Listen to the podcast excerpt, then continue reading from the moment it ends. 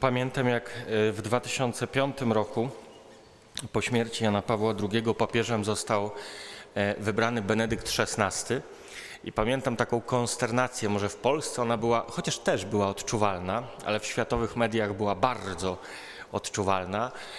E, no, z jednej strony fajnie, taki wybitny teolog i w ogóle wszystko, no ale z drugiej strony, jak to niemiecka prasa nazywała kardynała Ratzingera, no taki pancerkardynal, co to będzie? Przecież on absolutnie pozamyka wszystko, co jest gdzieś tam poszukujące, czy nie, nie, nie takie, jakby się wydawało wedle, wedle ścisłej ortodoksji. Później wcale nie było lepiej. Było, no Ratzinger, no tak, tak, wybitny teolog, ale taki sztywny.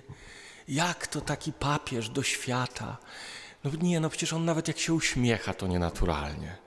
Naprawdę, no po prostu ten świat potrzebuje papieża, wiecie, po prostu z gestem, takiego, który będzie potrafił wyjść, a papież nic, tylko wyciąga te stare pelerynki ze starej watykańskiej szafy, nakłada jakieś czapki dziwne.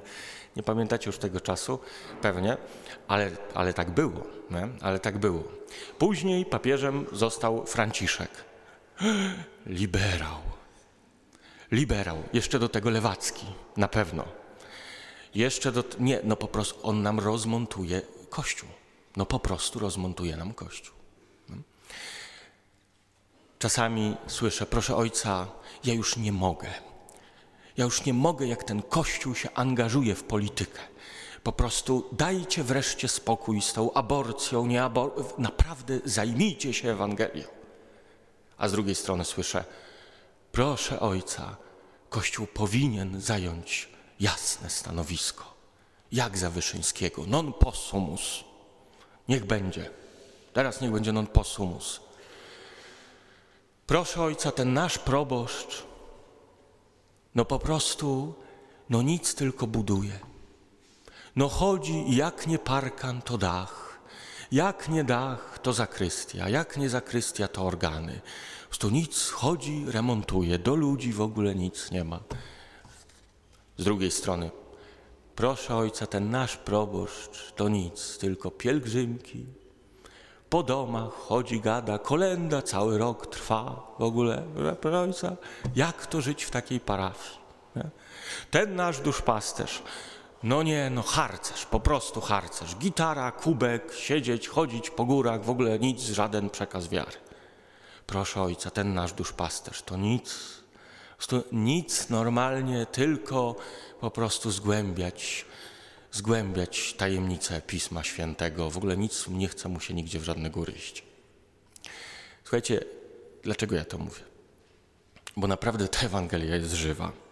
Z kim mam porównać to pokolenie? Podobny jest do przesiadujących na rynku dzieci. Przyszedł bowiem Jan, nie jadł i nie pił, a nie mówią zły długo opętał. Przyszedł Syn Człowieczy, je i pije, a nie mówią oto żarłok i pijak, przyjaciel celników i grzeszników. Wiecie, ja naprawdę nikogo nie namawiam do tego, żeby wyłączał krytyczne myślenie. Można lubić proboszcza, nie lubić proboszcza, można lubić papieża, nie lubić papieża. Serio, można nie lubić papieża, jakiegokolwiek, naprawdę. Święty Cyprian z Kartaginy, święty męczennik, wielki biskup Kartaginy, umiera jako męczennik. Żyje w sporze z papieżem Stefanem.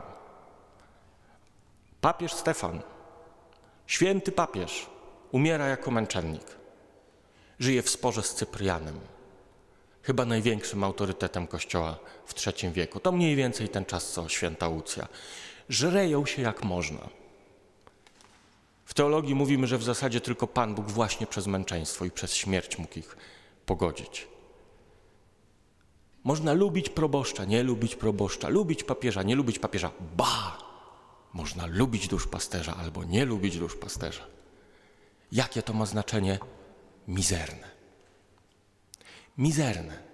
Nikogo nie namawiam do wyłączenia krytycznego myślenia, ale zastanówmy się, czy przypadkiem w tych naszych lubieniach, nielubieniach, dokazywaniach jak dzieci na rynku, obok naszych uszu nie przechodzi wezwanie nawróćcie się.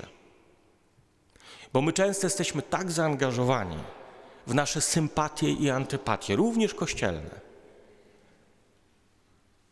Że nie chodzi, nie, nie jest problemem to, że krytycznie myślimy, świetnie, że krytycznie myślimy, tylko często między tymi naszymi sympatiami i antypatiami gdzieś znika wezwanie do nawrócenia.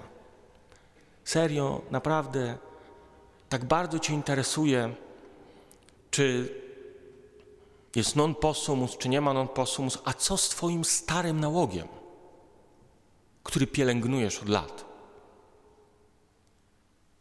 A co z Twoją nieuczciwością? A co z Twoją rozlazłością? Serio? Chcesz naprawiać wszystko inne poza sobą? Nawróćcie się do mnie, mówi Pan. My często grzęźniemy w naszym dokazywaniu, bo to nawet nie są kłótnie, wiecie, często to jest takie podgryzanie, często to jest takie. e, To jest nawet już takie, no naprawdę to jest dziecięce. To nawet nie jest porządna męska walka. Nie? To jest jakieś takie kopanie się po kostkach na placu. Naprawdę, naprawdę chcecie robić ten gwar po to, żeby wezwanie do nawrócenia przeszło koło naszych uszu? Serio? To jest ta Ewangelia. To jest Ewangelia na dzisiaj. Zastanówmy się chwilę, czy naprawdę nie jest tak, że po prostu nasza energia i Słowo Boże grzęźnie w naszym sporze o to, czy do liturgii trzeba nakładać komrze z koronkami, czy bez koronek. Czy ma być w nowym rycie, czy w starym rycie? Czy tak, czy inaczej? Z czym mam porównać to pokolenie? Do dzieci jest podobne. Do dzieci. To jest ten moment. Prośmy dzisiaj Pana Boga, żeby dał nam łaskę trzeźwego myślenia. Trzeźwego myślenia, żebyśmy widząc dobro i zło, rozróżniając i nazywając, nie zamykając oczu, nie udając, że wszystko nam się podoba, jednych lubiąc, innych nie lubiąc, wszystkich potrafili kochać. Od wszystkich potrafili przyjąć Słowo Boże, a nade wszystko nie stracili wrażliwości na wezwanie do nawrócenia, skądkolwiek by ono pochodziło. Żeby nam w czasie tych naszych zabaw Mesjasz nie przeszedł niepostrzeżenie koło nas.